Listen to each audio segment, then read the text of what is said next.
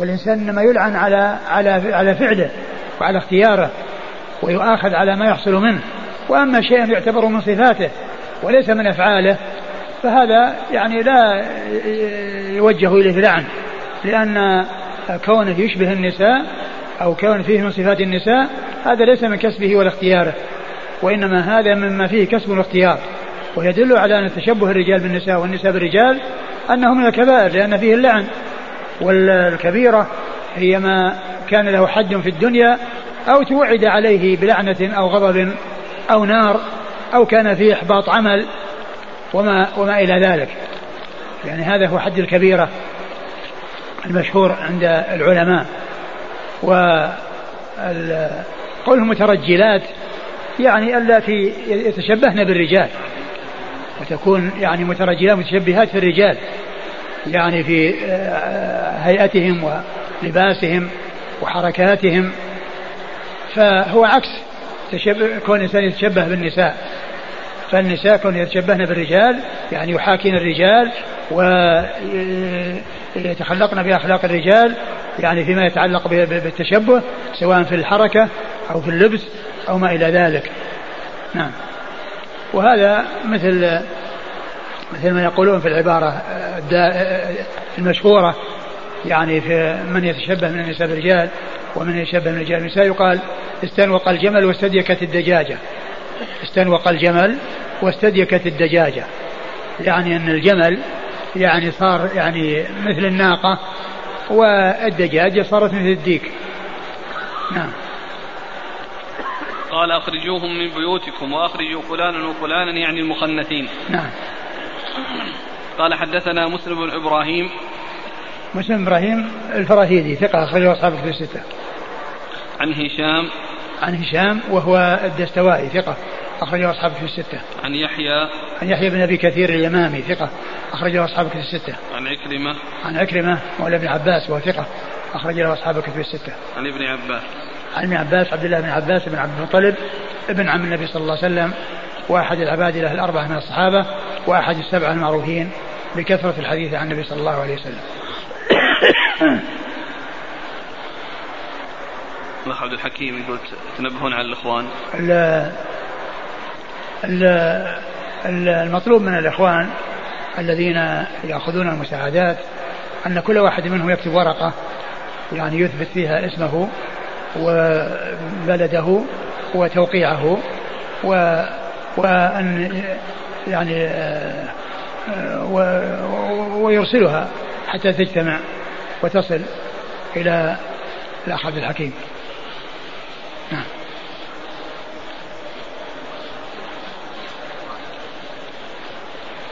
لا.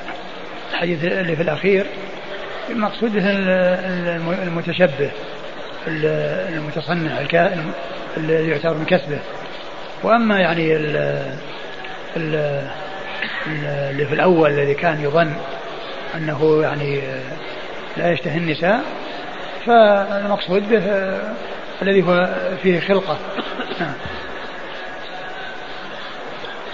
عبد الحكيم يقول الشيخ نبه جزاك الله خير كل واحد مسؤول عن نفسه. يعني الورقة ما تجي نعم. إلا من ذات الطالب. أي نعم يعني كل واحد يكتب يعني يعني عن نفسه يعني ويكتب اسمه وتوقيعه. ولا يعني ينوب أحد عن أحد.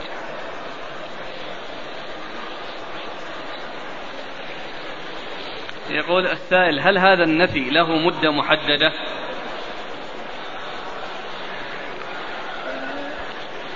ما ما أدري لكن لكنه يعني معلوم أنه يعني إذا إذا زال إذا زال السبب وحصل الأدب أنه يعني أنه ينتهي.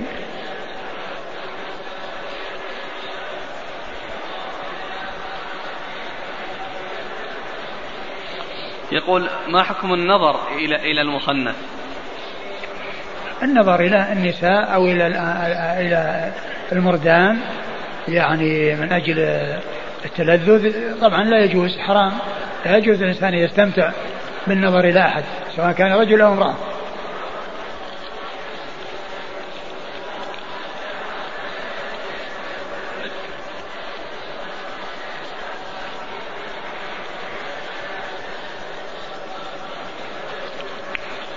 رحمه الله تعالى باب في اللعب في اللعب, في اللعب بالبنات. قال حدثنا مسدد قال حدثنا حماد عن هشام بن عروة عن أبيه عن عائشة رضي الله عنها أنها قالت كنت ألعب بالبنات فربما دخل علي رسول الله صلى الله عليه وآله وسلم وعندي الجواري فإذا دخل خرجنا وإذا خرج دخلنا. ثم رد أبو داود رحمه الله هذا الترجمة باب اللعب في البنات. والمقصود من ذلك لعب الجواري الصغيرات باللعب التي يقال لها بنات. يعني يطلقن عليها بنات إنها بنات لهن وكأنهن يعني يقلدن الكبيرات. يعني يتدربن على ذلك ويعني آه، آه، يستأنسن بذلك مشابهة لأمهاتهن. فهذا آه، هو المقصود باللعب بالبنات. وقيل بالبنات لأنها يقال لها بنت. البنت الصغيرة تعمل لها يعني شيء من الخرق. تجعل له رجلين وتجعل له راس وتجعل له يدين وتقول إنها بنت لها فتلعب بها تلعب بها وتستأنس بها وتشبه بأمها في ما إذا كانت آه، تقوم ببنتها الصغيرة أو بوالدها الصغير كونها تحمله أو تنزله. وما إلى ذلك من مما يحاكي فيه البنات الصغيرات النساء الكبيرات. وهذا سائغ كما هو معلوم كما جاءت به الأحاديث لأنه ليس فيه صور وليس فيه تصوير بخلاف التصوير الذي في هذا الزمان الذي تأتي اللعب على شكل إنسان يعني آه اليدين شكل اليدين والرجلين شكل الرجلين والوجه شكل الوجه والأعين والأنف والفم وكل يعني الصفات يعني موجودة لأن هذه صور. واستعمال الصور لا يجوز. ولكن الذي يجوز هو ما كان يستعمل في زمن النبي صلى الله عليه وسلم من كون المرأة تأخذ يعني خرقة وأعواد وتلف عليها شيء من الخرق فتكون يعني يدين ورجلين أو يعني تجعل شيء من الصوف قماش فيكون رجلين وكذلك يكون يدين ويكون راس فمثل هذا سائر. وهذا هو الذي كان يفعل في زمانه صلى الله عليه وسلم. وأما ما يجري في هذا الزمان وما حصل في هذا الزمان من وضع صور مجسمة على هيئة الإنسان فإن ذلك غير سائر آه، وأخبرت عائشة رضي الله عنها أنها كانت تلعب بالبنات يعني باللعب التي تسميها بنات وأن جوار يعني كنا يلعبن معها فإذا دخل الرسول صلى الله عليه وسلم خرجنا فإذا خرج دخلنا إليها ليلعبن معها وليستأنسن آه، بها ومعها رضي الله تعالى عن الجميع نعم قال حدثنا مسدد مسدد مر ذكره عن حماد عن حماد هو بن, بن, بن حماد بن زيد ثقة أخرجه أصحاب في الستة. عن هشام بن عروة عن أبيه عن عائشة. عن هشام بن عروة عن أبيه عن عائشة وقد مر ذكرهم. يوجد من هذه العرايس المصنوع بالقماش محشى بقطن الوجه مطموس ما في أي ملامح. لا عين ولا فم نعم هذا جائز. جائز هذا لأنه ما في ما في ما في ما في صور. وإنما هو يعني هيئة هيئة إنسان يعني يعني من أعلى يعني قطعة من القماش مجتمعة ملمومة كأنها رأس وفيه يعني من من تحت الرأس يعني قطعتين من القماش يعني محشوة بقطن. يعني آه وكذلك في الأسفل قطعتين يعني محشوة بقطن هي الرجلين هذه هذه هذه هي البنات. وهذه ما يقال لها صورة. ما يقال لها صورة لأن هذه الصور هو يعني ما يكون بالنحت وما يكون يعني بالتجسيم مثل الصور الموجودة في هذا الزمان التي يؤتى بها من البلاستيك ومن ومن غيره. هذه لا يجوز استعمالها. نعم. قال حدثنا محمد بن عوف قال حدثنا سعيد بن أبي مريم قال أخبرنا يحيى بن أيوب قال حدثني عمارة بن غزية أن محمد بن إبراهيم حدثه عن أبي سلمة بن عبد الرحمن عن عائشة رضي الله عنها قالت قدم رسول الله صلى الله عليه وآله وسلم من غزوة تبوك أو خيبر وفي سهوتها ستر فهبت ريح فكشفت ناحية الستر عن عن بنات لعائشة لعب فقال ما هذا يا عائشة؟ قالت بناتي ورأى بينهن فرسا له جناحان من رقاع. فقال ما هذا الذي أرى وسطهن؟ قالت فرس. قال وما هذا الذي عليه؟ قالت جناحان. قال فرس له جناحان. قالت أما سمعت أن لسليمان خيلا لها أجنحة؟ قالت فضحك حتى رأيت نواجذه. ثم ورد أبو داود حديث عائشة رضي الله عنها أن النبي صلى الله عليه وسلم قدم من سفرة إما تبوك وإما خيبر وأن لها سهوة يعني مكان يعني إما مكان يعني عند ال عند ال الغرفة أو أنه يعني طاق يعني في الجدار أو يعني رف يعني بورائه ستر وتوضع فيه الأغراض والحاجات ومنها اللعب. فهب فالنبي صلى وسلم قدم يعني هبت ريح فانكشف الستر واذا وراء وراء هذه اللعب التي لعائشه والتي تقول تسميها بنات لها. فقال ما هذا يا عائشة؟ قالت بناتي. هل ما هذا الذي بينهن؟ وكان بينهن يعني يعني قطع من القماش على صورة فرس. وكان له يعني جوانب مثل الجناحين. قال ما هذا؟ قال فرس. قال ما هذا الذي في جوانبه؟ قال جناحان. قال الفرس له جناحان. الفرس له جناحان. الخيل ليس لها أجنحة قال كما سمعت أن سليمان له خيل لها أجنحة فتبسم رسول الله صلى الله عليه وسلم.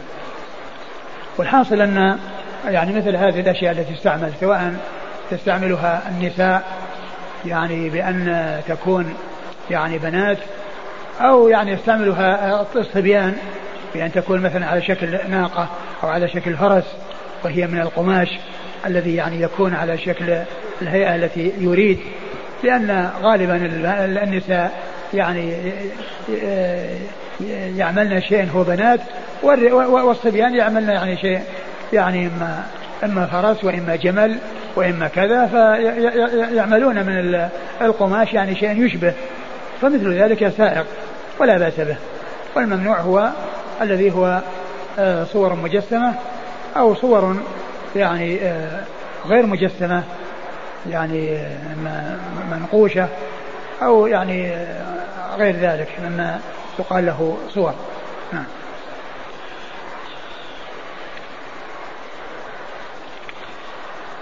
ضحك صلى الله عليه وسلم إقرار. لا تعجب. أبو تعجب ما ندري يعني هل يعني هو هو هو هو, هو تبسم يعني تعجبا من كلامها ومن قولها. لكن هل الخيل عندها لها أجنحة. ما ما نعلم شيء يدل على هذا. قال حدثنا محمد بن عوف. محمد بن عوف ثقة أخرج حديثه آه، أبو داود والنسائي في مسند علي. عن سعيد بن أبي مريم. سعيد بن أبي مريم ثقة أخرج له أصحاب الكتب. نعم. أصحاب الكتب الستة. عن يحيى بن أيوب. عن يحيى بن أيوب ثقة. صدق ربما أخطأ. صدق ربما أخطأ أخرج له. أصحاب الكتب. أصحاب الكتب الستة. عن عمارة بن غزية. عمارة بن غزية لا بأس به. فهي المعنى صدوق أخرج له البخاري تعليقا. تعليقا ومسلم وأصحاب السنن عن محمد بن إبراهيم. عن محمد بن إبراهيم التيمي وهو ثقة أخرج له أصحاب الكتب الستة. عن أبي سلمة أبي سلمة. بن عبد الرحمن بن عوف وهو ثقة أحد فقهاء المدينة السبعة في عصر التابعين على أحد الأقوال الثلاثة السابع منهم وحديثه أخرجه أصحاب الكتب الستة. عن عائشة رضي الله عنها وقد مر ذكرها. قال رحمه الله تعالى باب في الأرجوحة. والله تعالى أعلم وصلى الله وسلم وبارك على عبده ورسوله. نبينا محمد وعلى آله وأصحابه أجمعين. جزاكم الله خيرا وبارك الله فيكم ونفعنا الله ما قلتم. جاء عدد من الأسئلة في بيان معنى العكن. معنى؟ العكن. العكن. العكن. نعم. يعني العكن يعني هو مثل ما هو مثل ما ذكروا في تفسيرها أنها سمينة وأن يعني ثنايا بطنها يعني من جهة الأمام يعني آه يعني زوايا أربع يعني بارزة ولكن كل زاوية يعني يطلع منها يعني خطان يذهبان إلى جهة الوراء فيكون المجموع ثمانية. يعني من طرف يعني فيها أربع والجهة التي خلف فيها ثمان. يعني من من هذه العكن التي هي تجاعيد البطن وحر يعني وتقاسيمه التي تكون بسبب السمن.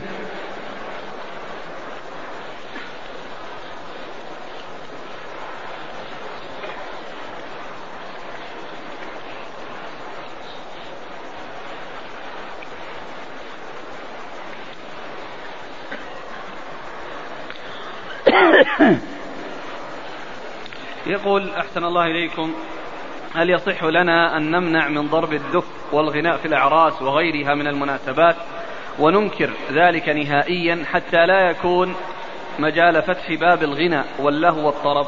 لا هذا غلط. الممنوع ممنوع والجائز جائز. يمنع ما يمنع ويجوز ما يجوز. والواجب هو اتباع السنة والأخذ بالسنة ولا يمنع شيء جاءت به السنة. ولكنه يجوز في حق من يجوز له هو النساء فقط. في الأعراس الآن يأتون بالمطربات وهن يضربن بالدف ولكن يغنين بأغاني المغنين المشهورة. يعني هذا فيه محذوران. أولا هذا هذا الغناء المحرم الذي يعني يكون فيه تطريب وفيه يعني غزل وفيه يعني حب وفيه يعني شر. وأيضا من ناحية تبذير الأموال وصرف الأموال لأنها لأن هذه النساء تستأجر قد تستأجر بأثمان باهظة. والنساء يمكن أن يعني يضربن بالدف وأن يحصل منهن التغني بما هو سائغ دون أن يحتجن إلى استئجار يعني مغنيات يعني يأتين بالغناء المحرم. ويضربن بالدف فتصرف لهن أموال لا حاجة إلى صرفها وإنما تبقى للزوج يعني ويكون ذلك من آه، من تخفيف التكاليف التي تكون على كاهل الزوج بحيث يعني يسلم من مثل هذه الأموال التي تصرف في غير طائل بل في مضرة. يقول عندنا في البلد في بمناسبة الزواج تجتمع النساء في بيت العروس. كل وكلهن تجعل حلقة أو كن حلقة ويرقصن في داخل الحلقة مع ويصفقن. والرجال يسمعون أصواتهن. فهل هذا جائز؟ التصفيق يعني كونه يستعمل التصفيق ما نعلم شيء يدل عليه. يعني كونه يصفقنا وإنما الذي ورد أنه يضربن بالدف ويغنين الغناء الذي لا محذور فيه والذي لا يسمعه الرجال. وأما إذا سمعه الرجال فإن ذلك لا يسوق. ورقص النساء بينهن. ورقص النساء ما أعلم يعني شيء يدل عليه. ما أعلم. يقول هل من نصيحة للذين يستعملون الجوال ورنة الموسيقى مع العلم أن باستطاعتهم تغيير هذه الرنة؟ نعم. الواجب على الإنسان أن يكون متقي الله عز وجل. وإذا استعمل مثل هذه الجهاز وهذه الآلة للاستفادة منها فل يعني يحذر أن يعني يضع فيها أو يجعلها على هيئة محرمة كأن تكون آه، رنة الهاتف على شكل موسيقى أو تكون موسيقى فإن هذا غير سائغ للإنسان. ويزداد الأمر خطورة إذا حصل ذلك في المسجد.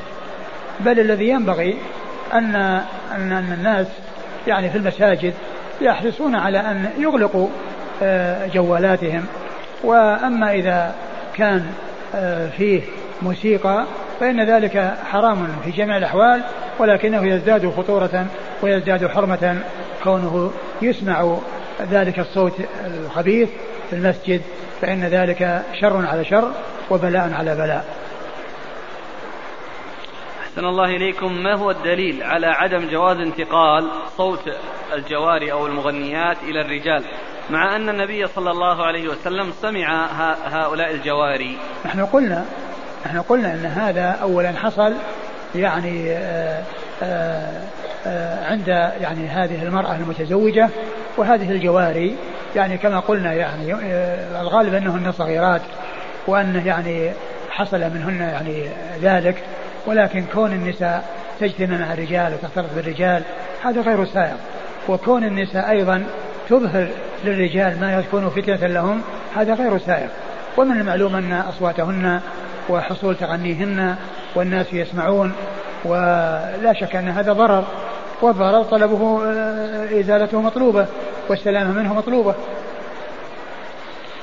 ما تقولون في الأشرطة التي تباع في السوق وفيها غناء الأطفال لكنه مصاحب للدف؟ ما يصلح استعمال؟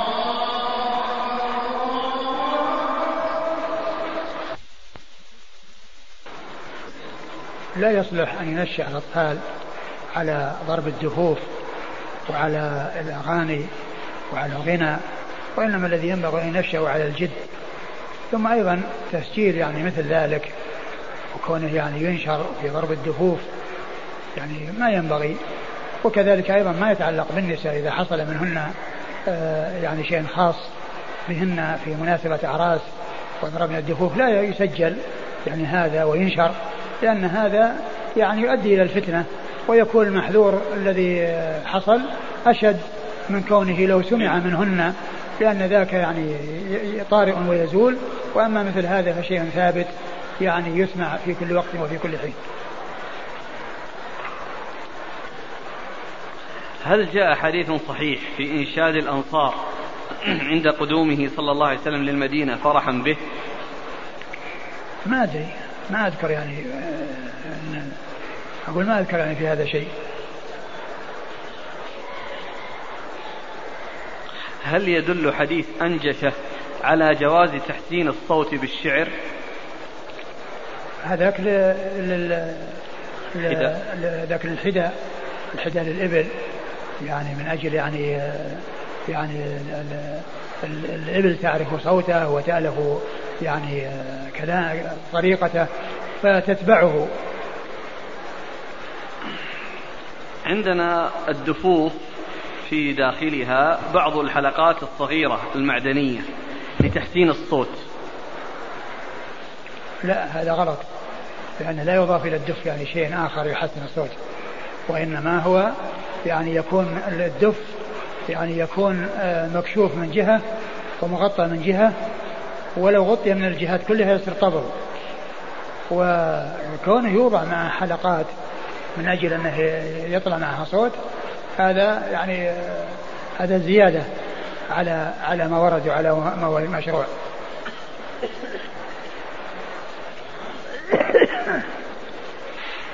هل يجوز سماع المديح الديني الذي يقوم به مجموعة من الرجال والأطفال؟ وقد يستعمل فيه الدف وهو مديح النبي صلى الله عليه وسلم. إحنا قلنا أن الدفوف يعني لا يصلح استعمالها إلا في مناسباتها وهي الأعراس. والمدح مدح الرسول صلى الله عليه وسلم لا شك أنه أفضل من يمدح يعني من الخلق عليه الصلاة والسلام ولكن المدح الذي يليق به صلى الله عليه وسلم من غير غلو ومن غير إطراء تحقيقا لرغبته صلى الله عليه وسلم وامتثالا لأمره في قوله عليه الصلاة والسلام لا تطروني كما أطرت النصارى ابن مريم إنما أنا عبد فقولوا عبد الله ورسوله صلوات الله وسلامه وبركاته عليه. فالوجود يعني أناس يعني يجتمعون ويأتون بمدائح سواء كانت يعني مدائح يعني للنبي صلى الله عليه وسلم أو لغيره وفيها يعني تطريب وفيها يعني تلحين. فما ما ما, ينبغي هذا وإنما الشعر السليم الذي لا محذور فيه ولا ممنوع منه يؤتى به على الطريقة التي كان ينشدها العرب كما كان حسان بن ثابت ينشد الشعر بين يدي رسول الله صلوات الله وسلامه وبركاته عليه. هل يجوز ضرب الدف في غير الأعراس مثل آه، السوابع أو في, في مناسبة النجاح؟ لا. أصلا لا يضرب إلا في الأعراس وفي وللنساء خاصة. في العيدين. وكذلك في العيدين. ما ما, ما يضرب إلا في الأعراس وللنساء خاصة. جاري يرفع صوت الغنى من المسجل وأنا أمنعه لكن لا ينتهي. فأنا أرفع صوت القرآن من المسجل. فهل عملي صحيح؟ والله إذا كان هذا سيؤدبه افعل. وأما إذا كان ما يترتب على ذلك شيء وإنما هو سيبقى يعني على ما هو عليه ولا تستفيد من هذا رفع شيء لا لا تفعل. ولكن يعني حاول معه وإن لم يفعل وأصر على ذلك فأنت افعل الأسباب التي تمنعه من ذلك. وذلك بأن ترفع أمره إلى المسؤولين. ما الفرق بين الحداء والغنى؟ الحداء هو حداء الإبل. أن يكون الراعي يعني يأتي بأصوات يعني تعودت عليها الإبل فتلتف حوله وإذا كانت يعني بعيدة آه، وسمعت الصوت آه، يعني أقبلت عليه واجتمعت عنده هذا هو الحداء. الحداء للإبل. يعني الحادي الذي يحدو الإبل يعني بمعنى أنه يعني يأتي بأصوات أو بصوت وبتغني يعني آه، تعرفه الإبل وألفته الإبل فتأتي إليه. وأما الغنى فهو هذا التغني الممنوع. وما حكم تلحين القصائد والمنظومات العلمية؟ التكلف ما هو طيب. التكلف ليس بطيب. لا هو بيلحنها عشان تسهل عليه في الحفظ. الحفظ ما ما يسهل بالتلحين الحفظ يعني يكون بكون الإنسان يجتهد في الحفظ ويتقنه ولو ما لحن. الآن يعني هؤلاء الحفاظ الذين يحفظون يعني الشيء الكثير من أحاديث ومن شعر كذا ما عرفوا ما حصلوه إلا بالتلحين أبدا. ما حكم المساهمة في شركة الاتصالات؟ أنا ما أعرف يعني الحقيقة التي تشتمل عليها شركة الاتصالات من الأمور المحذورة ومن الأمور الممنوعة أو التي لا تسوق. أنا ما أعرف التفاصيل التي فيها وقد سئلت كثيرا عن ذلك وأجبت لأنه ينبغي أن يوجه السؤال إلى الإفتاء في الرياض من أجل أن تحصر يعني المحاذير التي فيه ويصدر الحكم يعني فيها بناء عليها. والتفاصيل كما قلت أنا لا أعرفها لكن أسمع أن فيه يعني آه، آه، معلوم أن هناك مضار تأتي عن طريق التليفونات ولكن لا دخل للشركة فيها مثل ما يجري من أفراد لأفراد وإذا أفراد لأفراد. هذا لا لا لا يدخل تحت قدرة الشركة ولا تحت تصرف الشركة لأن لأن هذا يكون من بعض الناس بعضهم مع بعض. ولكن الذي لا يجوز هو ما يحصل من الشركة. وقد بلغني أن فيه يعني شيء من آه، المسابقات يعني آه، ولكن آه، يكون المساهمة في هذه المسابقة عن طريق الاتصال بالهاتف وأنه يترتب على ذلك صرف مبلغ. وهذا يشبه يعني القمار الذي يعني كل إنسان يعني يدفع شيء من أجل يكسب فإنه إذا كان فيه يعني شيء من العوض أو شيء يدفع الإنسان من أجل يكسب شيء فإن هذا هو القمار الممنوع. وإذا كان حصل مثل مثل هذا من الشركة وأن هذا يعني من مكاسب الشركة فهو عمل غير عمل غير طيب.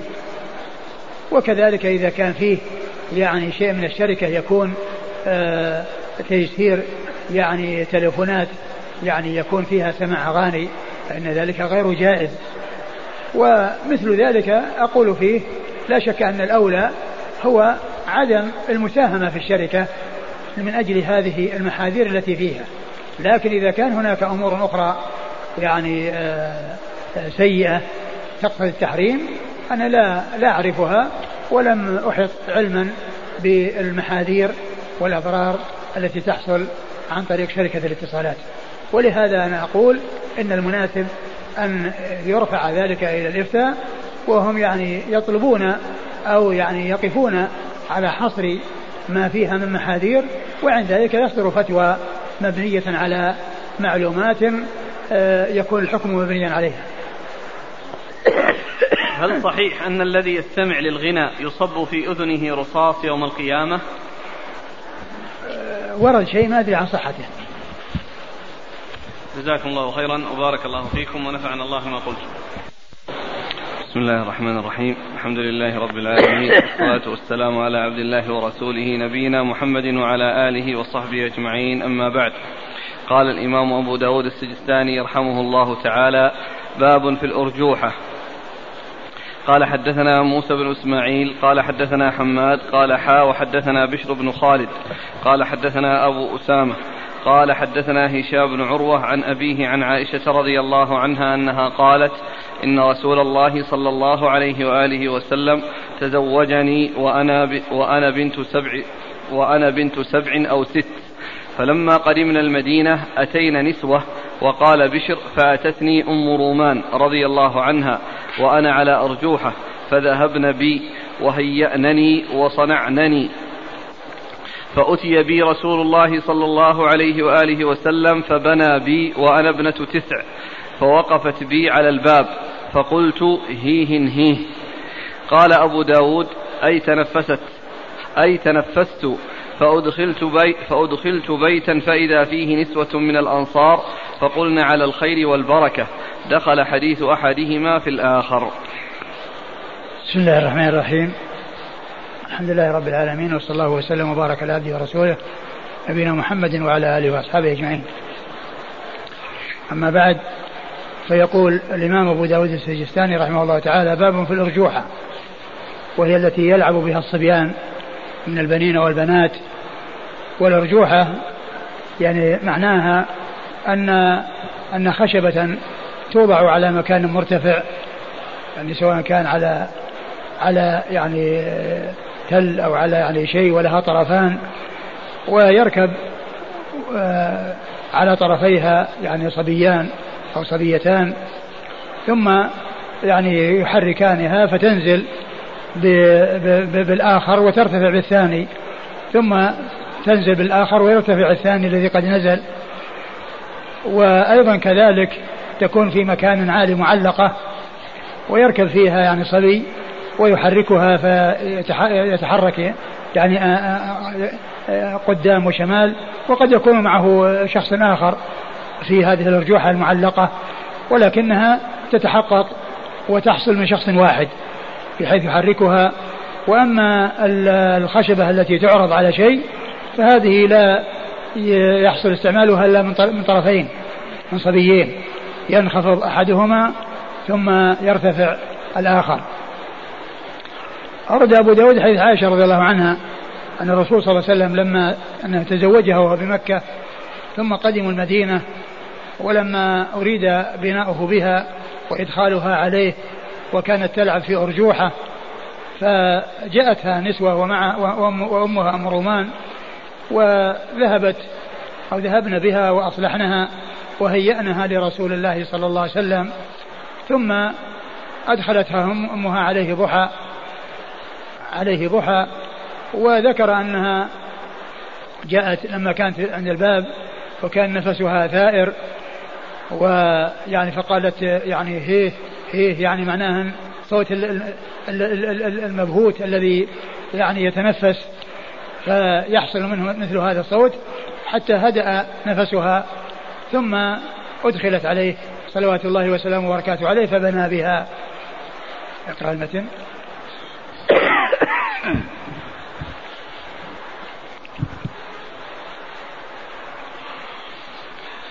عن عائشة رضي الله عنها أنها قالت إن رسول الله صلى الله عليه وآله وسلم تزوجني وأنا بنت سبع أو ست. فلما قدمنا المدينة أتينا نسوة وقال بشر فأتتني أم رومان. أم رومان هي أمها. وأنا على أرجوحة. فذهبن بي وهيأنني وصنعنني. فأتي بي رسول الله صلى الله عليه وآله وسلم فبنى بي وأنا ابنة التسع فوقفت بي على الباب فقلت هيه هيه قال أبو يعني قالت يعني من ناحية ثوران النفس. يعني ثوران نفسها يعني يظهر بهذه الصورة. نعم. قال يعني أبو قالت داود يعني معناها أنها بمعنى فعلت أو أنه حصل لها هكذا. يعني فالقول هو بمعنى الفعل. وليس معنى أنها, أنها قالت تتكلم بهذا الكلام وإنما حصل منها هذا يعني هذا الصوت الذي هو يعني يحصل بسبب ثوران النفس. نعم. قال أبو داود أي تنفست فأدخلت بيتا فإذا فيه نسوة من الأنصار فقلنا على الخير والبركة دخل حديث أحدهما في الآخر. فقلنا على الخير والبركة يعني هؤلاء الذي أصلحنها وهيأنا لها هيأناها لرسول الله صلى الله عليه وسلم. قلنا لها على الخير والبركة يعني أنك آه، تزوجت زواجا مباركا وتدخلين على على زوجك وفي ذلك الخير والبركة يعني لها. ولا شك أن هذا من أعظم الخير والبركة لها أن تحظى بأن تكون حليلة رسول الله صلوات الله وسلامه وبركاته عليه ورضي الله تعالى عنها وأرضاها.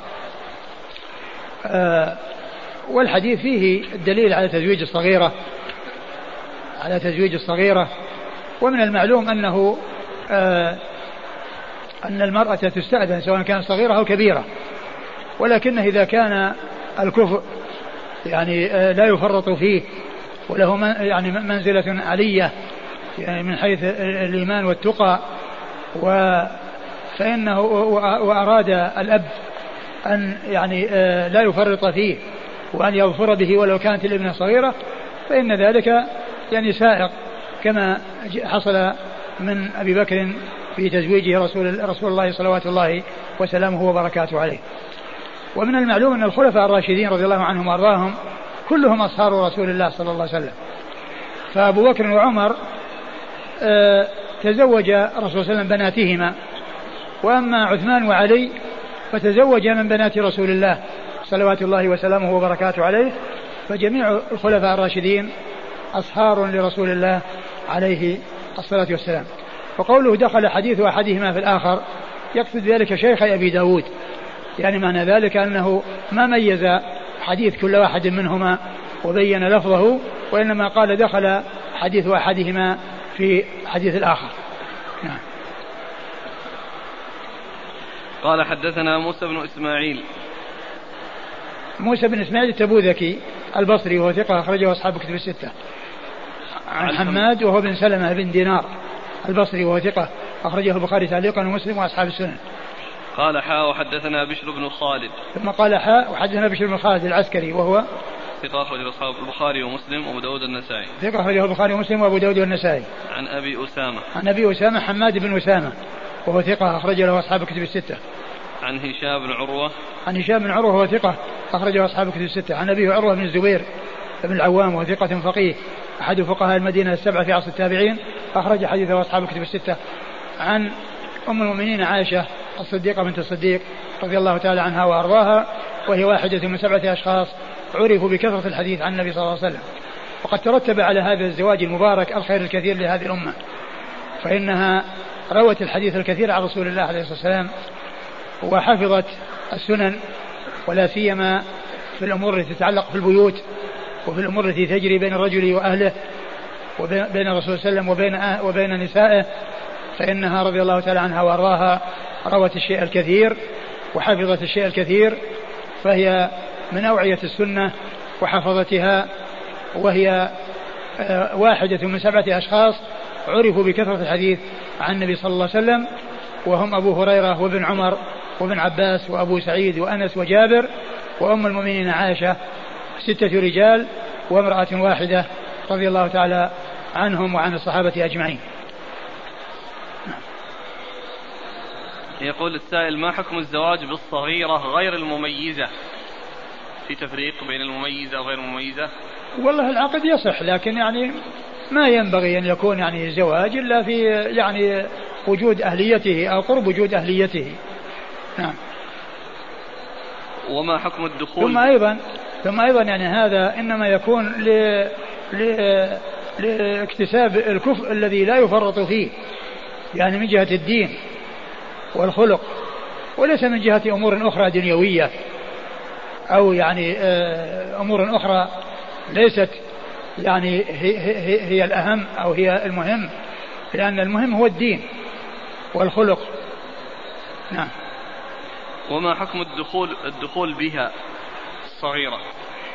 التي تتضرر ويلحقها ضرر ليس للإنسان ليس للإنسان يعني ليس لأهلها أن يعني يمكنوا منها وليس يعني لزوجها أن يسيء إليها وأن يحيط بها ضرر وهي لا تطيقه ولا تقدر عليه. وكيف يكون إذنها؟ كما قلنا الصغيرة التي آه التي يعني لم تبلغ يعني هذه إنما تزوج من أجل ال ال ال الاكتساب الكفء الذي لا يفرط فيه ولا يعوض إذا ذهب. يعني مثله يعني يندر أن يوجد مثله أو يقل أن يوجد مثله. فهذا هو الذي يعني آه، آه، يحرص عليه أو هو الذي وأما وأما يعني غيره فإنه لا بد من استئذانها. ومعلوم أن الاستئذان إنما هو يعني يكون المدركة المميزة التي تعرف يعني مصلحة نفسها وتعقل. نعم. هذه بارك الله فيك. لو كبرت بعد البلوغ كرهت الزوج. إذا كانت أقول إذا كانت يعني آه هذا الرجل إذا كان هذا الرجل يعني آه صاحب دين وخلق فإنه إذا إذا إذا كرهته لن يحتفظ بها حتى تبلغ وحتى تعترض عليه. بل يعني من كان هذا وصفه ومن كانت هذه منزلته عندما يجد منها الكراهة سيتركها. لن يحتفظ بها حتى تبلغ وتخاصم. من من شيوخكم الذي كان يقول ائتوني برجل مثل محمد حتى أزوجه؟ هذا شيخنا الشيخ آه، عبد الله الخليفي رحمة الله عليه. فإنه لما يعني قيل له يعني تزويج يعني فقال كلمة يعني مستحيلة. إذا جاءك نبي يخطب بنتك زوجها إياه. يعني طبعا هذا شيء مستحيل لا يقع. ولن يحصل مثل ما حصل لأبي بكر. كان يرى عدم يعني نعم. يعني يرى أنه يعني لا تزوج الصغيرة. قال حدثنا إبراهيم بن سعيد قال حدثنا أبو أسامة مثله قال على خير طائر فسلمتني إليهن إليهن فغسلن رأسي وأصلحنني. فلم يرعني إلا رسول الله صلى الله عليه وآله وسلم ضحى فأسلمنني إليه. ثم أورد أبو داود حديث أبي هريرة أبي, أبي عائشة من رضي الله عنها من طريق أخرى في قصة زواجها من رسول الله صلى الله عليه وسلم.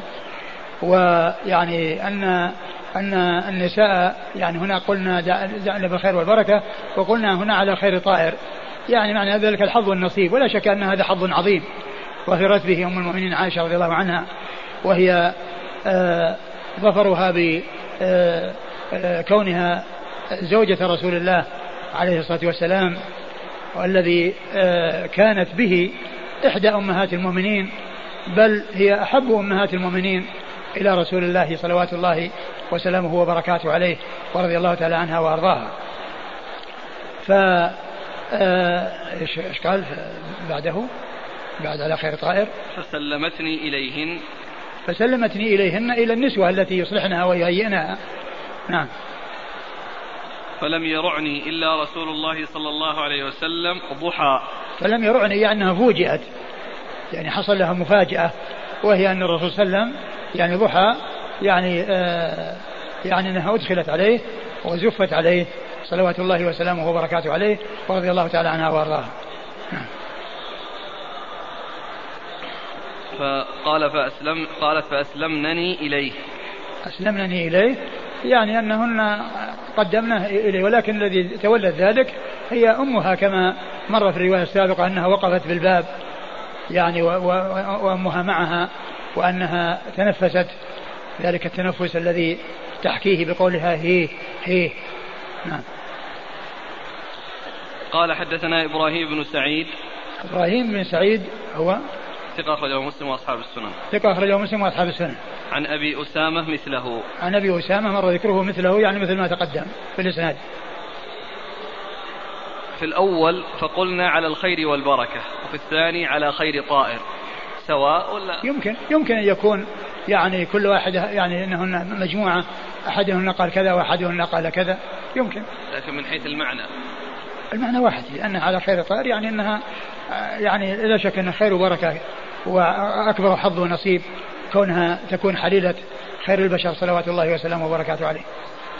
يقال يعني هذا من باب التفاؤل. نعم. تفاؤل هذا الكلام. لا شك لا شك. هو من هو هو تفاؤل بل هو يعني مجزوم به أنه يعني أعظم خير وأعظم آه، حظ ونصيب لامرأة تتزوج لمن هو خير الناس. هل ممكن أن يقال هذا الآن للمتزوجين؟ الآن ينبغي أن يقال بارك الله لك وبارك عليك وجمع بينكما في خير. هذا هو الذي ينبغي أن يقال في حال الزواج.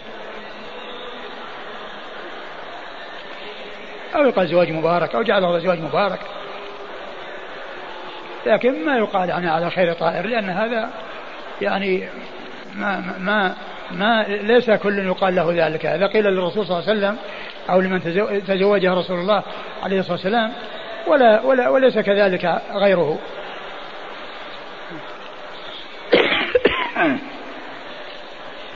قال حدثنا موسى بن إسماعيل قال حدثنا حماد قال أخبرنا هشام بن عروة عن عروة عن عائشة رضي الله عنها أنها قالت فلما قدمنا المدينة جاءني نسوة وأنا ألعب على أرجوحة. وأنا مجممة. فذهبن بي فهيأنني وصنعنني. ثم أتينا بي رسول الله صلى الله عليه وآله وسلم فبنى بي وأنا ابنة تسع سنين. ثم رد أبو داود حديث عائشة من طريق أخرى ويعني وفي ألفاظ أخرى وفي أنها مجممة أو مجممة يعني أنها ذات جمة. يعني أنها متصفة بأنها ذات جمة. يعني والجمة هو الشعر. وكان يعني حصل لها مرض فتساقط شعرها ثم نبت يعني فكان يعني ذلك هو الذي وصل إليه شعرها في ذلك الوقت أنه جمة مج مج يعني لعلها مجممة يعني أنها متصفة بأنها ذات جمة نعم قال حدثنا موسى بن إسماعيل عن حماد عن هشام بن عروة عن أبيه عن عائشة. كلهم مر ذكرهم في في الاسناد السابق. قال حدثنا بشر بن خالد قال أخبرنا أبو أسامة قال حدثنا هشام بن عروة بإسناده في هذا الحديث قالت وأنا على الأرجوحة ومعي صواحباتي فأدخلنني بيتا فإذا نسوة من الأنصار فقلن على الخير والبركة. وهذا مثل الذي قبله. والإسناد مر ذكره. قال حدثنا عبيد الله بن معاذ قال حدثنا أبي قال حدثنا محمد يعني بن عمرو عن يحيى يعني بن عبد الرحمن بن حاطب. قال قالت عائشة رضي الله عنها فقدمنا المدينة فنزلنا في بني الحارث بن الخزرج. قالت فوالله إني لعلى أرجوحة بين عذقين. فجاءتني أمي فأنزلتني ولي جميمة وساق الحديث. ثم ورد الحديث من طريق أخرى وفيه أنهم بعدما قدموا المدينة وأنهم نزلوا في بني الحارث ابن ابن الخزرج. ابن الخزرج ابن الخزرج وأنها يعني كانت في أرجوحة بين عذقين والمراد بالعذق النخلة يعني بين نخلتين أرجوحة بين نخلتين والعي والعذق بفتح العين النخلة والعذق بكسرها القنو الذي هو يكون فيه الثمر فيعني بين عذقين يعني بين نخلتين. نعم. قال حدثنا عبيد الله بن معاذ عبيد الله بن معاذ بن معاذ, بن معاذ العنبري وهو ثقة أخرج البخاري ومسلم وأبو داود النسائي. عن أبيه عن أبيه معاذ بن معاذ العنبري ثقة أخرجه أصحاب الكتب الستة. عن محمد يعني بن عمرو عن محمد بن عمرو بن علقمة وقاص الليثي وهو صديق أخرج له أصحاب الكتب الستة. عن يحيى يعني بن عبد الرحمن بن حاطب يحيى بن عبد الرحمن بن حاطب وهو ثقة أخرجه مسلم وأصحاب السنن. لا ثقة أخرجه مسلم وأصحاب السنن. عن عائشة. عن عائشة رضي الله عنها وقد مر ذكرها.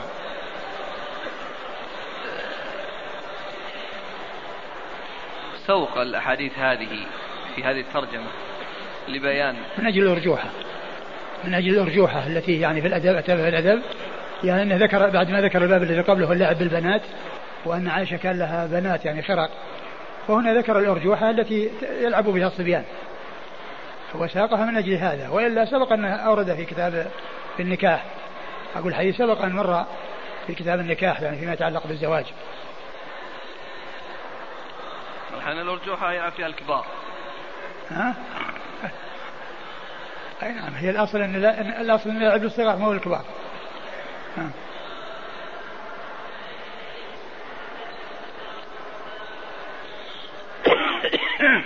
يقول عندنا في بلدنا يزوجون البنت مع الابن منذ المهد لوجود الصداقة والعلاقة بين الأسرتين فهل يجوز ذلك؟ أقول هذا أقول هذا ما ينبغي. ما نقول أنه حرام لكن نقول ما ينبغي.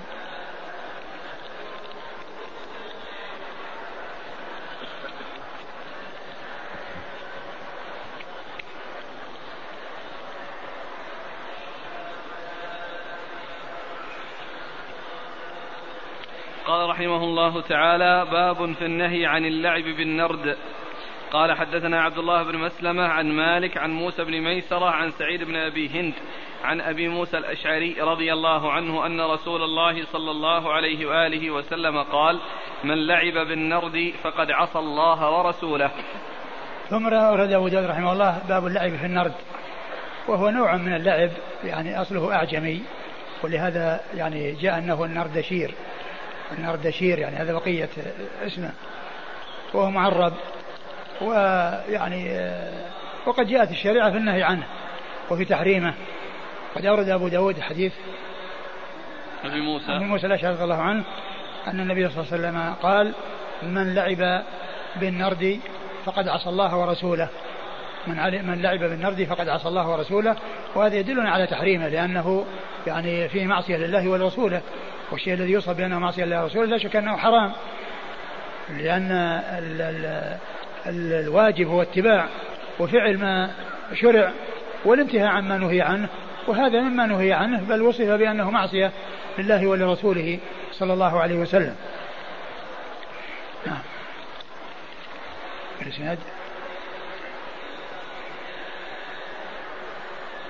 قال حدثنا عبد الله بن مسلمة عبد الله بن مسلمة القعنبي ثقة أخرجه أصحاب الكتب الستة لما ماجه. عن مالك عن مالك بن أنس إمام دار الهجرة محدث الفقيه أحد أصحاب المذاهب الأربعة المشهورة ثم ذهب أهل السنة وحديثه أخرجه أصحاب الكتب الستة. عن موسى بن ميسرة عن موسى بن ميسرة وهو ثقة أخرجه البخاري في الأدب المفرد وأبو داود والنسائي في مسند مالك.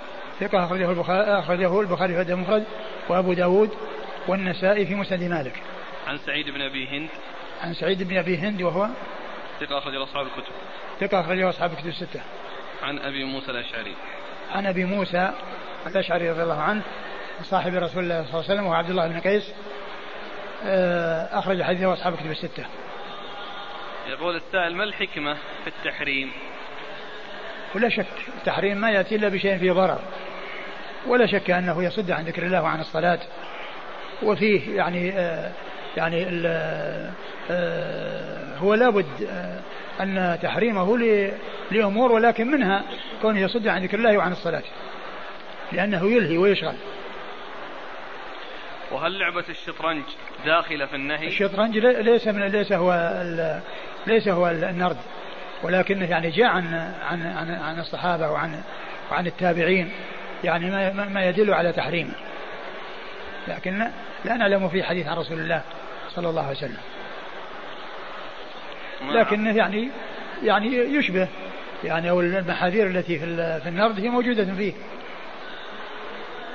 ولهذا قال في في عون المعبود أو في الحاشية. يعني إنه قد يكون أشد أو أو أو كذا. يعني والذي فيه فيه وزيادة. في الشطرنج.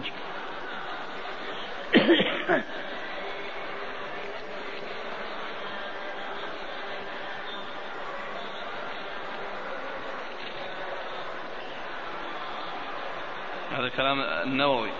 نعم قال والحديث حجة للشافعي والجمهور في تحريم اللعب بالنرد.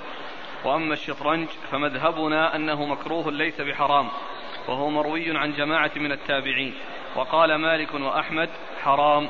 قال مالك هو شر من النرد وألهى عن الخير. أه وال فيه أبو موسى الأشعري سيأتي في الأحاديث قريبة كيف؟ أبو موسى سيأتي في الأحاديث القريبة. لا. هذا الحديث يعني سعيد بن أبي بن أبي هند. يعني لم يعني روايته عن أبي موسى مرسلة. يعني لم يسمع منه. ولكن ذكر الشيخ الألباني له شواهد أو شاهد أو شواهد. يعني يكون بها يعني معتبرا وإلا فإنه بهذا الإسناد فيه الانقطاع الذي بين سعيد بن أبي هند وبين أبي موسى رضي الله عنه.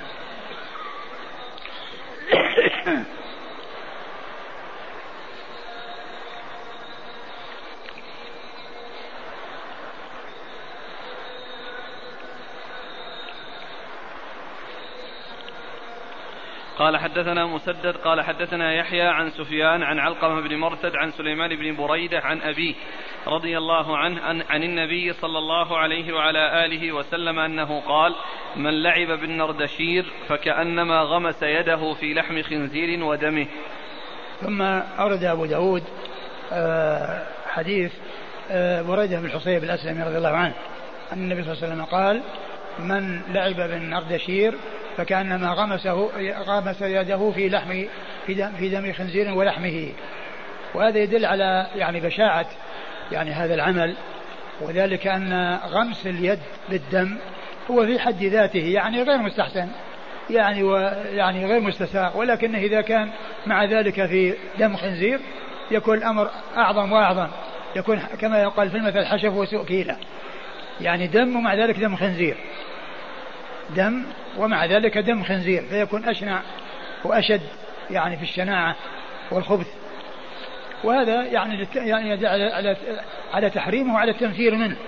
يعني هذا المثل أو هذا التمثيل للتنفير وبيان بشاعته وأن بهذا بهذا الخبث. نعم. قال حدثنا مسدد. مسدد بن مسرهد البصري ثقة أخرج حديث البخاري وأبو داود والترمذي والنسائي. عن يحيى عن يحيى بن سعيد القطان ثقة أخرج له أصحاب كتب الستة. عن سفيان عن سفيان هو الثوري سفيان بن سعيد المسروق الثوري ثقة فقيه أخرج له أصحاب كتب الستة. عن علقمة بن مرثد. عن علقمة بن مرثد وهو ثقة أخرجه أصحاب كتب الستة. عن سليمان بن بريدة. عن سليمان بن بريدة بن الحصيب وهو ثقة أخرجه مسلم وأصحاب السنن. عن أبيه. عن أبيه بريدة بن الحصيب الأسلمي رضي الله عنه وهو صحابي جليل أخرج له أصحاب كتب الستة.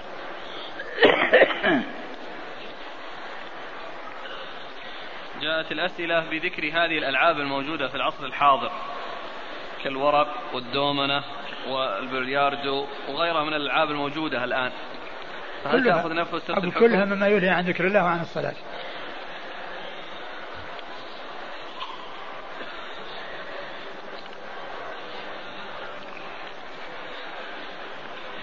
قال رحمه الله تعالى باب في اللعب بالحمام. قال حدثنا موسى بن إسماعيل قال حدثنا حماد عن محمد بن عمرو عن أبي سلمة عن أبي هريرة رضي الله عنه أن رسول الله صلى الله عليه وآله وسلم رأى رجلا يتبع حمامه فقال شيطان يتبع شيطانه.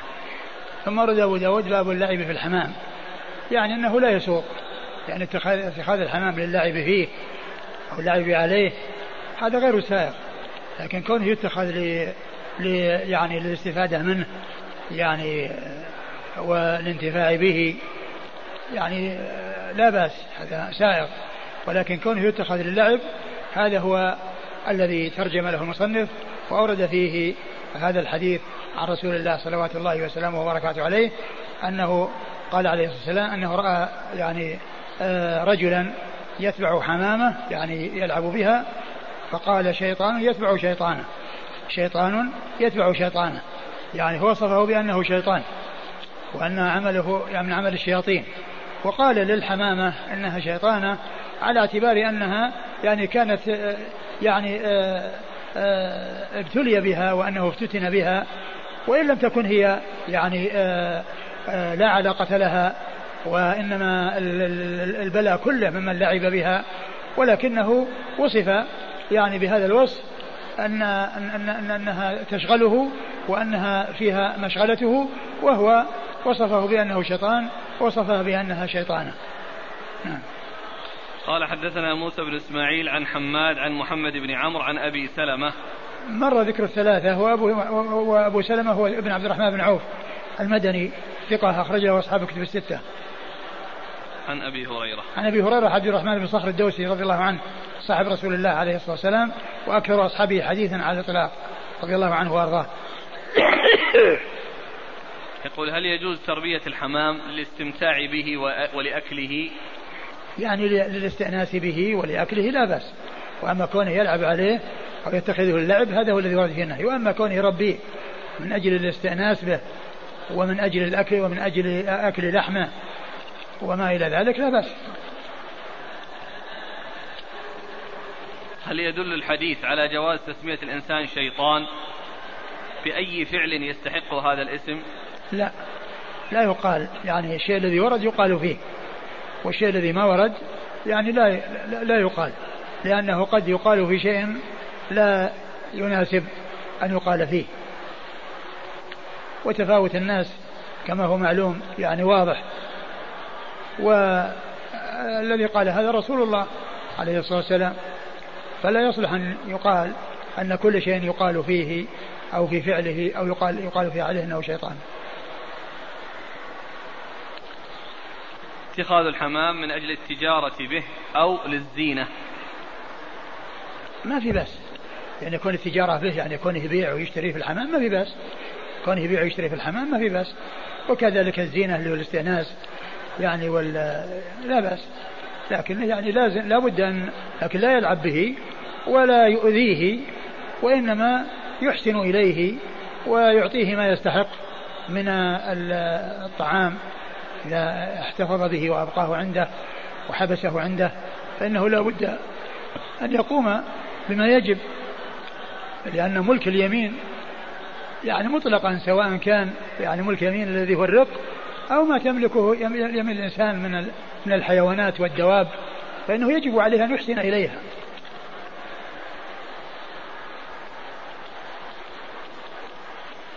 قال رحمه الله تعالى باب في الرحمة. قال حدثنا أبو بكر بن أبي شيبة مسدد المعنى. قال حدثنا سفيان عن عمرو عن أبي قابوس مولى لعبد الله بن عمرو عن عبد الله بن عمرو رضي الله عنهما يبلغ به النبي صلى الله عليه وعلى آله وسلم. الراحمون يرحمهم الرحمن. ارحموا أهل الأرض يرحمكم من في السماء. لم يقل مسدد مولى عبد الله بن عمرو وقال قال النبي صلى الله عليه وآله وسلم. ثم ورد أبو داود باب في الرحمة. ويكون الإنسان يرحم الخلق يرحم الناس ويرحم الدواب والبهائم. يعني وذلك فيما ينتفع به ولا يؤذي. أما الشيء الذي يؤذي ولا يستحق الرحمة بل يعني لإيذائه يستحق أن يتخلص منه مثل الحيات والعقارب وما إلى ذلك. فهذا يعني يعمل على التخلص منه وعلى يعني إتلافه وقتله حتى يسلم الناس من شره. ولكن يعني ذلك في في من يستحق الرحمة. فإن فقد جاء عن الرسول صلى الله عليه وسلم أنه قال الراحمون يرحمهم الرحمن.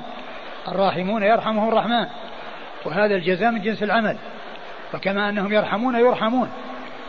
يحصل منهم رحمة للخلق الذين يستحقون الرحمة فجزاؤهم أن الله تعالى يرحمهم. الراحمون يرحمهم الرحمن ثم قال ارحموا من الأرض يرحمكم من في السماء. يعني وقوله من في السماء هو الله والمقصود بالسماء العلو. والله تعالى في العلو فوق العرش.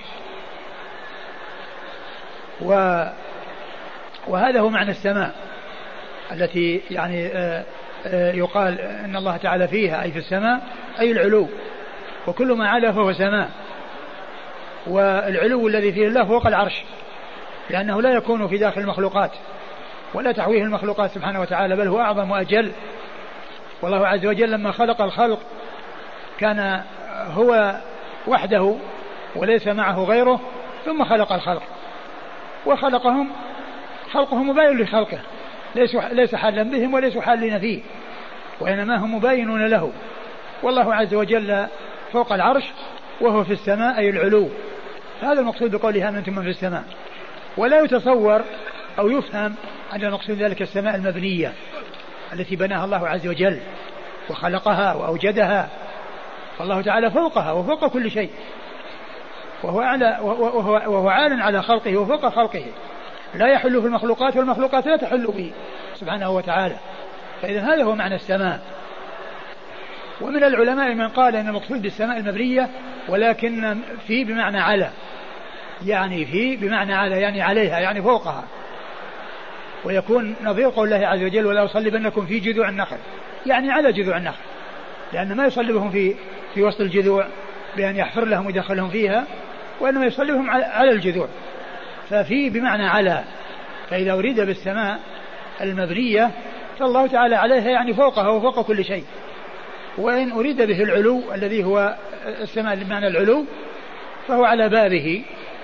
والله تعالى في السماء فوق العرش بائن من خلقه والخلق بائنون منه ليس حالا فيهم ولا هم حالون به سبحانه وتعالى.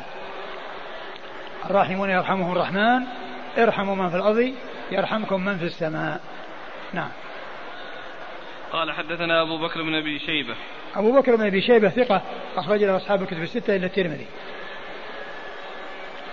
ومسدد عن سفيان. مسدد مر ذكره وسفيان هو بن عيينة المكي وهو ثقة أخرج له أصحاب الكتب الستة. عن عمرو بن دينار. عن عمرو بن دينار ثقة أخرج له أصحاب الكتب الستة. عن أبي قابوس. عن أبي قابوس وهو مقبول أخرج له. أبو داود والترمذي. أبو داود والترمذي. عن عبد الله بن عمرو. أبو قابوس كيش مولى مولى عبد الله بن عمرو. مولى عبد الله بن عمرو. وهنا قال مقبول. ولكن الحديث يعني له في له متابع وله شواهد. فأبو قابوس له له متابع. وفيه شواهد من غير رواية الراوي. من هو الصحابي؟ عبد الله بن عمرو. من, من غير رواية عبد الله بن عمرو. يعني معناه أن الحديث صحيح لشواهده وللمتابع الذي تابع أبا أبا قابوس الذي قال عنه الحافظ أنه مقبول أي أنه حيث يتابع وإلا فيكون لين الحديث. وقد توبع وأيضا له شواهد عن جماعة من الصحابة. نعم فهو ثابت عن رسول الله عليه الصلاة والسلام. عن عبد الله عن عبد الله بن عمرو رضي الله تعالى عنهما وهو الصحابي الجليل أحد العباد الأربعة من أصحاب النبي عليه الصلاة والسلام وهم عبد الله بن عمرو عبد الله بن عمر عبد الله بن عباس وعبد الله بن الزبير وحديثه أخرجه أصحاب الكتب الستة. قال إيش؟ لم يقل مسدد مولى عبد الله بن عمرو يعني أن الذي قال مولى عبد الله بن عمرو هو شيخ أبو بكر بن أبي شيبة. هو الذي انفرد بقوله مولى عبد الله بن عمرو أما مسدد فقال أبو قابوس فقط ولم يزد عليها. ثم أيضا هناك فرق آخر بين مسدد وبين أبي بكر وهو ولم يقل. وقال مسدد قال النبي صلى الله عليه وسلم. وقال مسدد قال النبي صلى الله عليه وسلم. وقال مسدد في روايته عندما أوصل الحديث إلى رسول الله عليه الصلاة والسلام قال قال رسول الله صلى الله عليه وسلم. وأما اللفظ الذي ساقه فهو على رواية أبي بكر بن أبي شيبة. قال فيه يبلغ به النبي صلى الله عليه وسلم. يعني يبلغ به النبي صلى الله عليه وسلم. وهذا قاله يعني آه، أحد الرواة. يعني أما أبو قبوس وإما من دونه. يعني قال يبلغ به يعني قالها أحد الرواة. هو الذي يحكي. ولعل مثل هذه العبارة يأتي بها الراوي إذا لم يتحقق الصيغة التي قالها الصحابي. إذا لم يتحقق الصيغة التي قالها الصحابي هل قال سمعت أو قال قال رسول الله أو قال عن رسول الله صلى الله عليه وسلم؟ فإنه يعبر بهذه العبارة يقول يبلغ به النبي. يعني معناه مرفوع إلى رسول الله. ويبلغ به رسول الله صلى الله عليه وسلم. يعني يسنده إلى رسول الله ويبلغ به إلى رسول الله عليه الصلاة والسلام. فأبو بكر بن أبي شيبة من طريقه يعني الذين رووا عنه وأحد الرواة عنه ما جزم بالصيغة التي قالها بل أتى بقوله يبلغ به النبي صلى الله عليه وسلم. وأما مسدد فإن الصيغة واضحة. وهي أنه قال قال رسول الله صلى الله عليه وسلم. وهذا يدلنا يدلنا على دقة المحدثين وعنايتهم بالألفاظ والصيغ. وذلك أنهم يميزون بين من يقول قال رسول الله صلى الله عليه وسلم ومن يقول يبلغ به النبي صلى الله عليه وسلم. أو يعني يقال عنه يبلغ به النبي صلى الله عليه وسلم. بل أدق من هذا ويعني أكثر احتياطا من هذا أنهم يفرقون بين قال قال رسول الله صلى الله عليه وسلم وقال قال وقال النبي صلى الله عليه وسلم. التعبير بين النبي والرسول. يعني فلان قال قال النبي وفلان قال قال رسول الله صلى الله عليه وسلم. وهذا من كمال العناية وإن وإلا فإنه يعني من ناحية إطلاق النبي والرسول واحد.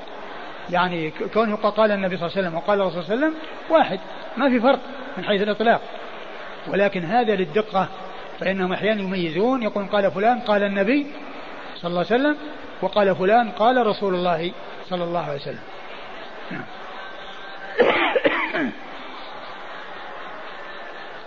هذا حديث مسلسل. هذا الحديث يقول مسلسل بالأولية. مسلسل بالأولية. كل واحد يقول حدثني فلان وهو أول ما حدثني به. حدثني فلان وهو أول حديث سمعته منه. نعم. قال حدثنا حفص بن حفص بن عمر قال حدثنا قال حا وحدثنا ابن كثير قال أخبرنا شعبة قال كتب إلي منصور قال ابن كثير في حديثه وقرأته عليه وقلت أقول حدثني منصور فقال إذا قرأته علي فقد حدثتك به. ثم اتفقا عن أبي عثمان مولى المغيرة بن شعبة عن أبي هريرة رضي الله عنه قال سمعت أبا القاسم الصادق المصدوق صلى الله عليه وعلى آله وسلم صاحب هذه الحجرة يقول لا تنزع الرحمة إلا من شقي. ثم ورد أبو داود حديث أبي هريرة رضي الله عنه أن النبي صلى الله عليه وسلم قال لا تنزع الرحمة إلا من شقي. والمقصود بالشقي يعني آه، يعني الكافر أو من يكون عاصيا. يعني فإن هذه شقاوة جزئية أو شقاوة نسبية. فال يعني فهذا يشمل من يكون كافرا ومن يكون عنده معاصي. ويعني يوصف يعني فيها بالشقاوة. وهو يدل على عظم شأن الرحمة والحث عليها والتحذير من من من من, من, من يعني آه، آه، عدم الاتصاف بها وأن من يكون كذلك يوصف بهذا الوصف الذي جاء في هذا الحديث عن رسول الله صلوات الله وسلامه وبركاته عليه. نعم. قال حدثنا حفص بن عمر. حفص بن عمر النمري ثقة أخرج له البخاري وأبو داود والنسائي. قال حدثنا ثم قال حاء وحدثنا ابن كثير قال أخبرنا. ثم قال حدثنا ثم قال حاء وحدثنا ابن كثير قال أخبرنا. أتى بالتحويل قبل أن يذكر آه، آه، آه، من في الطبقة الثانية. وذلك للفرق بين حدثنا وأخبرنا. لأن الأول قال حدثنا والثاني قال أخبرنا. الأول عبر بحدثنا والثاني عبر بأخبرنا. ومن أجل ذلك جاء جاء بالتحويل. من أجل الصيغة فقط. وإلا فإن الاثنان شيخ أبي داود. شيخ أبي داود ولكنه أتى بالتحويل من أجل أن الأول عبر بحدثنا والثاني عبر بأخبرنا. والتعبير بحدثنا وأخبرنا هذا يدل على على عناية المحدثين ومحافظتهم على الألفاظ والصيغ. لأن أبا داود رحمه الله أتى بالتحويل من أجل أن يقول أن هذا قال حدثنا وهذا قال أخبرنا. مع أن حدثنا وأخبرنا أحيانا يكون معناهما واحد وفي نفس الإسناد هذا ما يدل عليه. وذلك في الكلام الذي سيأتي عن شعبة بين شعبة ومنصور.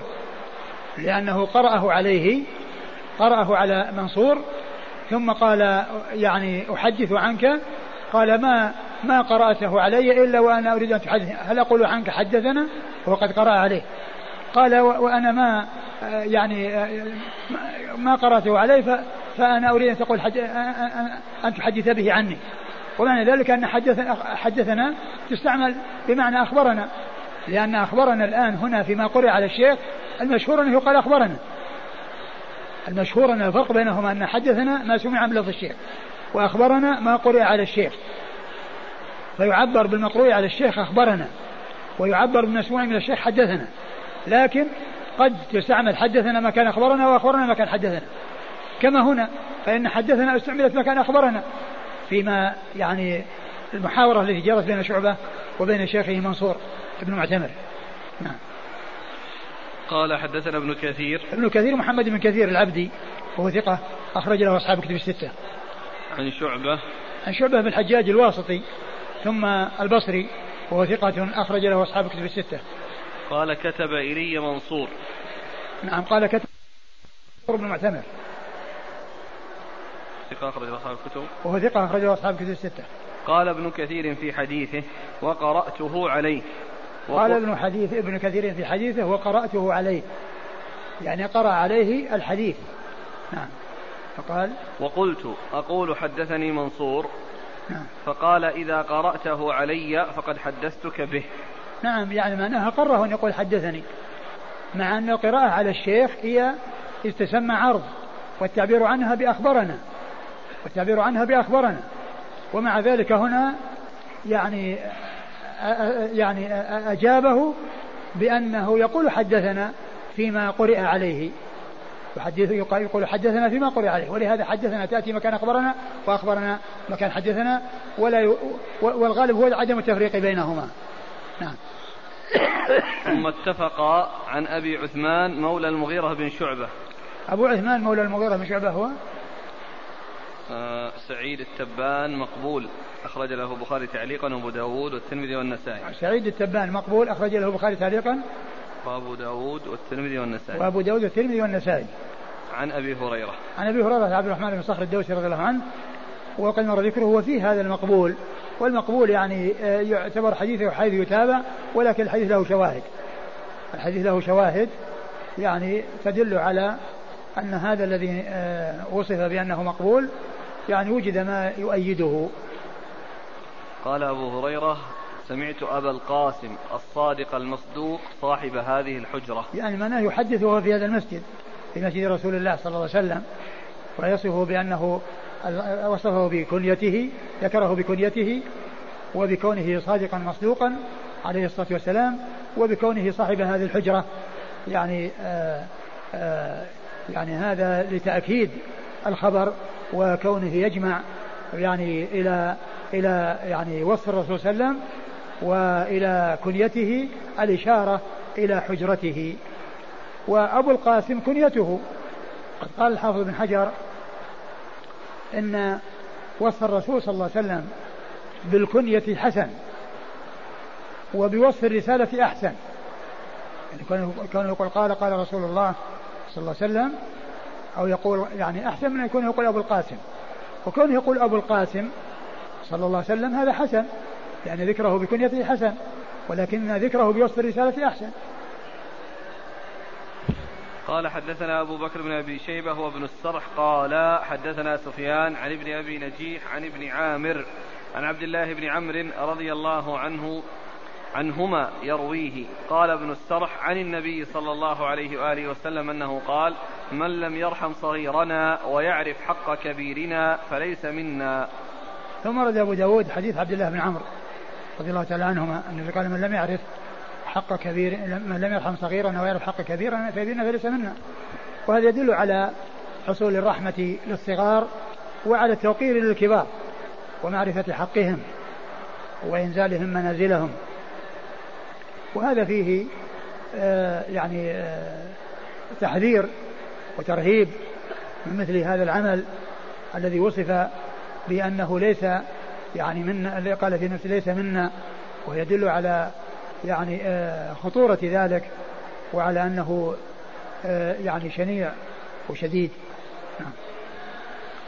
قال حدثنا أبو بكر بن أبي شيبة وابن السرح. ابن السرح أحمد بن عمرو بن السرح ثقة في اليوم مسلم وأبو داود والنسائي وابن ماجه. عن سفيان عن ابن أبي نجيح. ابن أبي نجيح هو عبد الله. ابن يسار.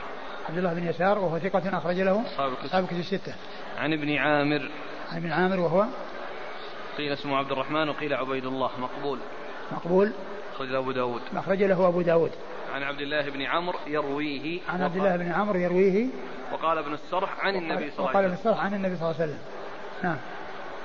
قال رحمه الله تعالى باب في النصيحة. قال حدثنا أحمد بن يونس قال حدثنا زهير قال حدثنا سهيل بن أبي صالح عن عطاء بن يزيد عن تميم الداري رضي الله عنه أنه قال قال رسول الله صلى الله عليه وآله وسلم إن الدين النصيحة إن الدين النصيحة. قالوا لمن يا رسول الله؟ وفي النسخ الأخرى التي غير هذه النسخة ثلاث مرات إن الدين النصيحة يعني كررت يعني طعبت عن المعبود والطبعات الأخرى التي يعني عدة طبعات غير هذه فيها ثلاث. يعني ليس مرتين فقط وإنما هي ثلاث مرات في سنن أبي داود. إن الدين النصيحة إن الدين النصيحة إن الدين النصيحة قالوا لمن يا رسول الله؟ قال لله وكتابه ورسوله وأئمة المؤمنين وعامتهم أو أئمة المسلمين وعامتهم. ثم رد أبو داود هذا الثاني باب النصيحة. والنصيحة كلمة جامعة. يعني فيها يعني إيصال الخير ودفع الشر. وهي من أجمع الكلمات التي يعني يندرج تحتها كل خير يعني مطلوب والتخلص من كل شر. ولهذا الرسول صلى الله عليه وسلم قال الدين النصيحة وكأن الدين هو النصيحة. وذلك لعظم شأن النصيحة ومثل الحج عرفة. الحج عرفة يعني تعظيم شأن عرفة وكذلك هنا تعظيم شأن النصيحة. وقد أورد أبو داود حديث تميم ابن أوس الداري رضي الله عنه قال الدين النصيحة. قالوا الدين النصيحة. إن الدين نصيحة. إن الدين نصيحة. إن الدين نصيحة. قال لمن يا رسول الله؟ قال لله ولكتابه ولرسوله ولأئمة المسلمين ولأئمة المؤمنين وعامتهم أو قال لأئمة المسلمين وعامتهم. أو قال لأئمة المسلمين وعامتهم. شك من الراوي. وهذا الحديث من جوامع الكلمة عليه الصلاة والسلام. قد أورده النووي في الأربعين النووية التي آه، آه، اختار يعني آه، الأحاديث فيها أنها من جوامع الكلم وقد ألف كثير من العلماء مؤلفات في الأربعين وورد فيها حديث ضعيف. يعني في ذكر الأربعين من حفظ على أمتي أربعين حديثا.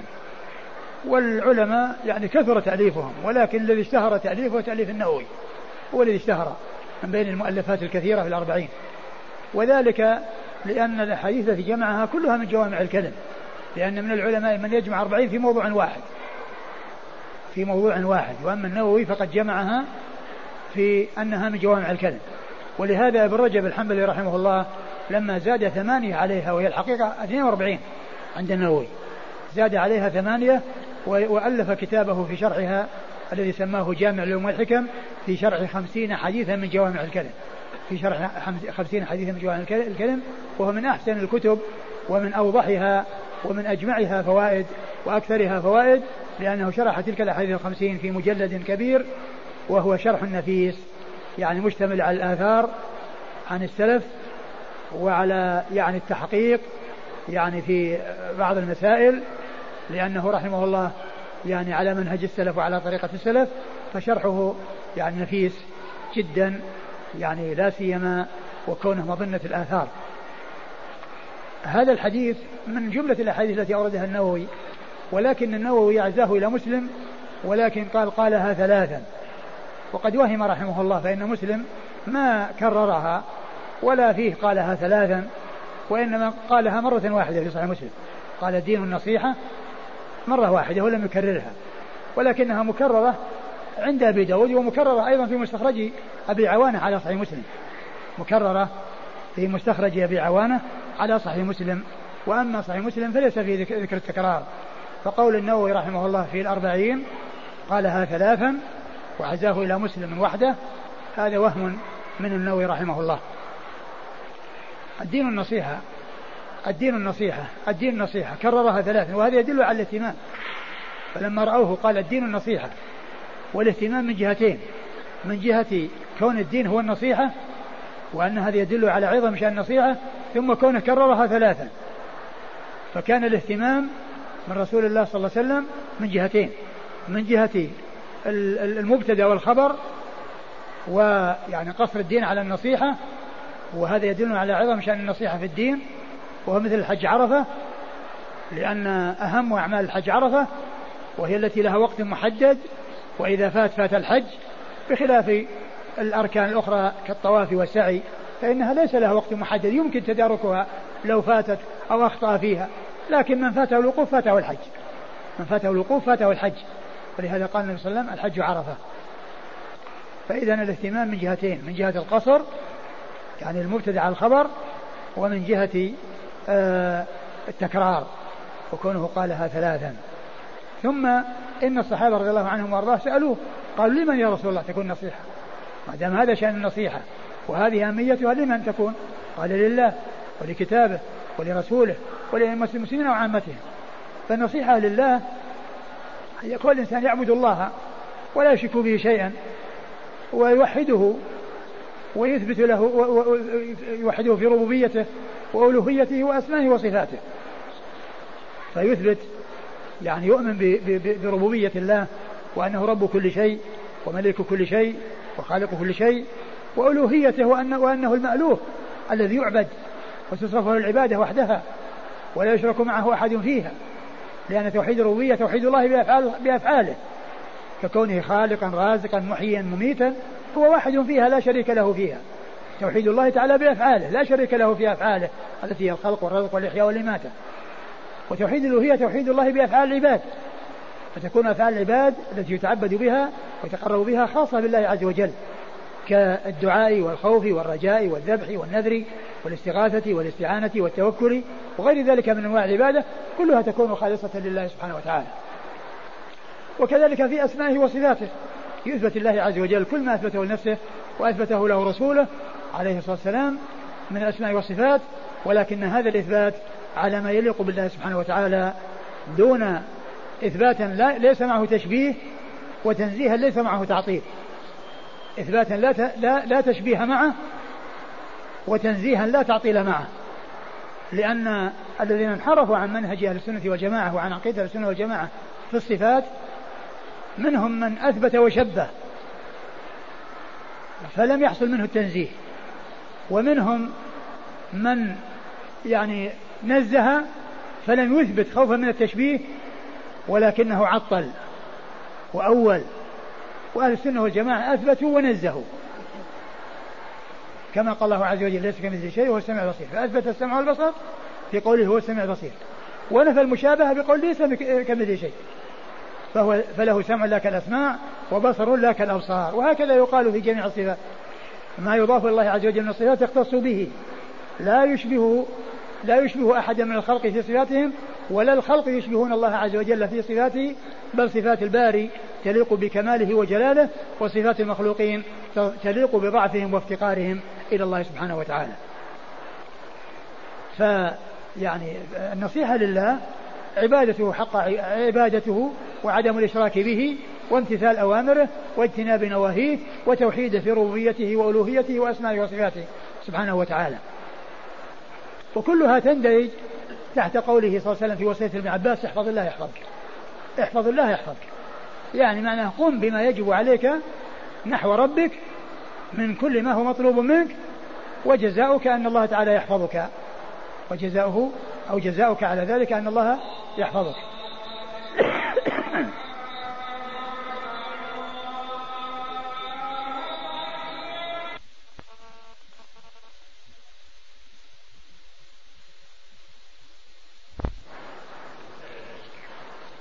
قال النصيحة لله ولكتابه وهو هذا الكتاب المنزل على رسول الله صلى الله عليه وسلم وذلك بأن يكون المسلم يعني آه، يتلوه ويتعبد الله بتلاوته ويعمل بأوامره ويجتنب نواهيه ويعلم بأنه كلام الله وأنه منزل من عنده وأنه مشتمل على ما فيه الخير.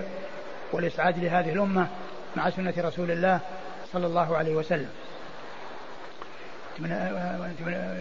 نصيحة لله ولكتابه ولرسوله لرسوله محمد صلى الله عليه وسلم وذلك بالإيمان به وتصديقه وأنه جاء بالحق من عند الله وأنه دل الناس على كل خير وبلغ البلاغ المبين ما ترك أمرا يقرب إلى الله إلا يدل الأمة عليه. وما ترك أمرا يباعد من الله إلا وحذر منه. ف وقد بلغ البلاغ المبين كما جاء عن الزهري رحمة الله عليه كما ذكره البخاري عنه في صحيحه قال من الله الرسالة وعلى الرسول البلاغ وعلينا التسليم. فالذي من الله قد حصل لأنه قد أرسل وعلى الرسول البلاغ وقد بلغ البلاغ المبين وعلينا التسليم وهناك ينقسم الناس إلى موفق وإلى غير موفق. موفق يسلم ويستسلم وينقاد وغير موفق يحصل منه الانحراف وعدم الانقياد والاستسلام. فيشهد بأنه رسول الله وأنه رسول الله حقا وأنه آه، أفضل الرسل وأنه جاء بالحق والهدى وأن من أخذ بما جاء به فقد ظفر بسعادة الدنيا والآخرة ومن أعرض عما جاء به فإنه يخسر الدنيا والآخرة كما قال الرسول عليه الصلاة والسلام في الحديث الصحيح كل أمتي يدخلون الجنة إلا من أبى. قيل ومن يأبى يا رسول الله؟ قال من أطاعني دخل الجنة ومن عصاني فقد أبى. ولكتابه ولرسوله ولأئمة المسلمين وهم ولاة أمر المسلمين. وذلك بالنصح لهم بدلالتهم على الخير والدعاء لهم وترك الخروج عليهم ولو كانوا جائرين ويعني آه، بذل النصح لهم وغير ذلك مما يعني مما هو مطلوب في حق في حق الرعية للراعي والوالي.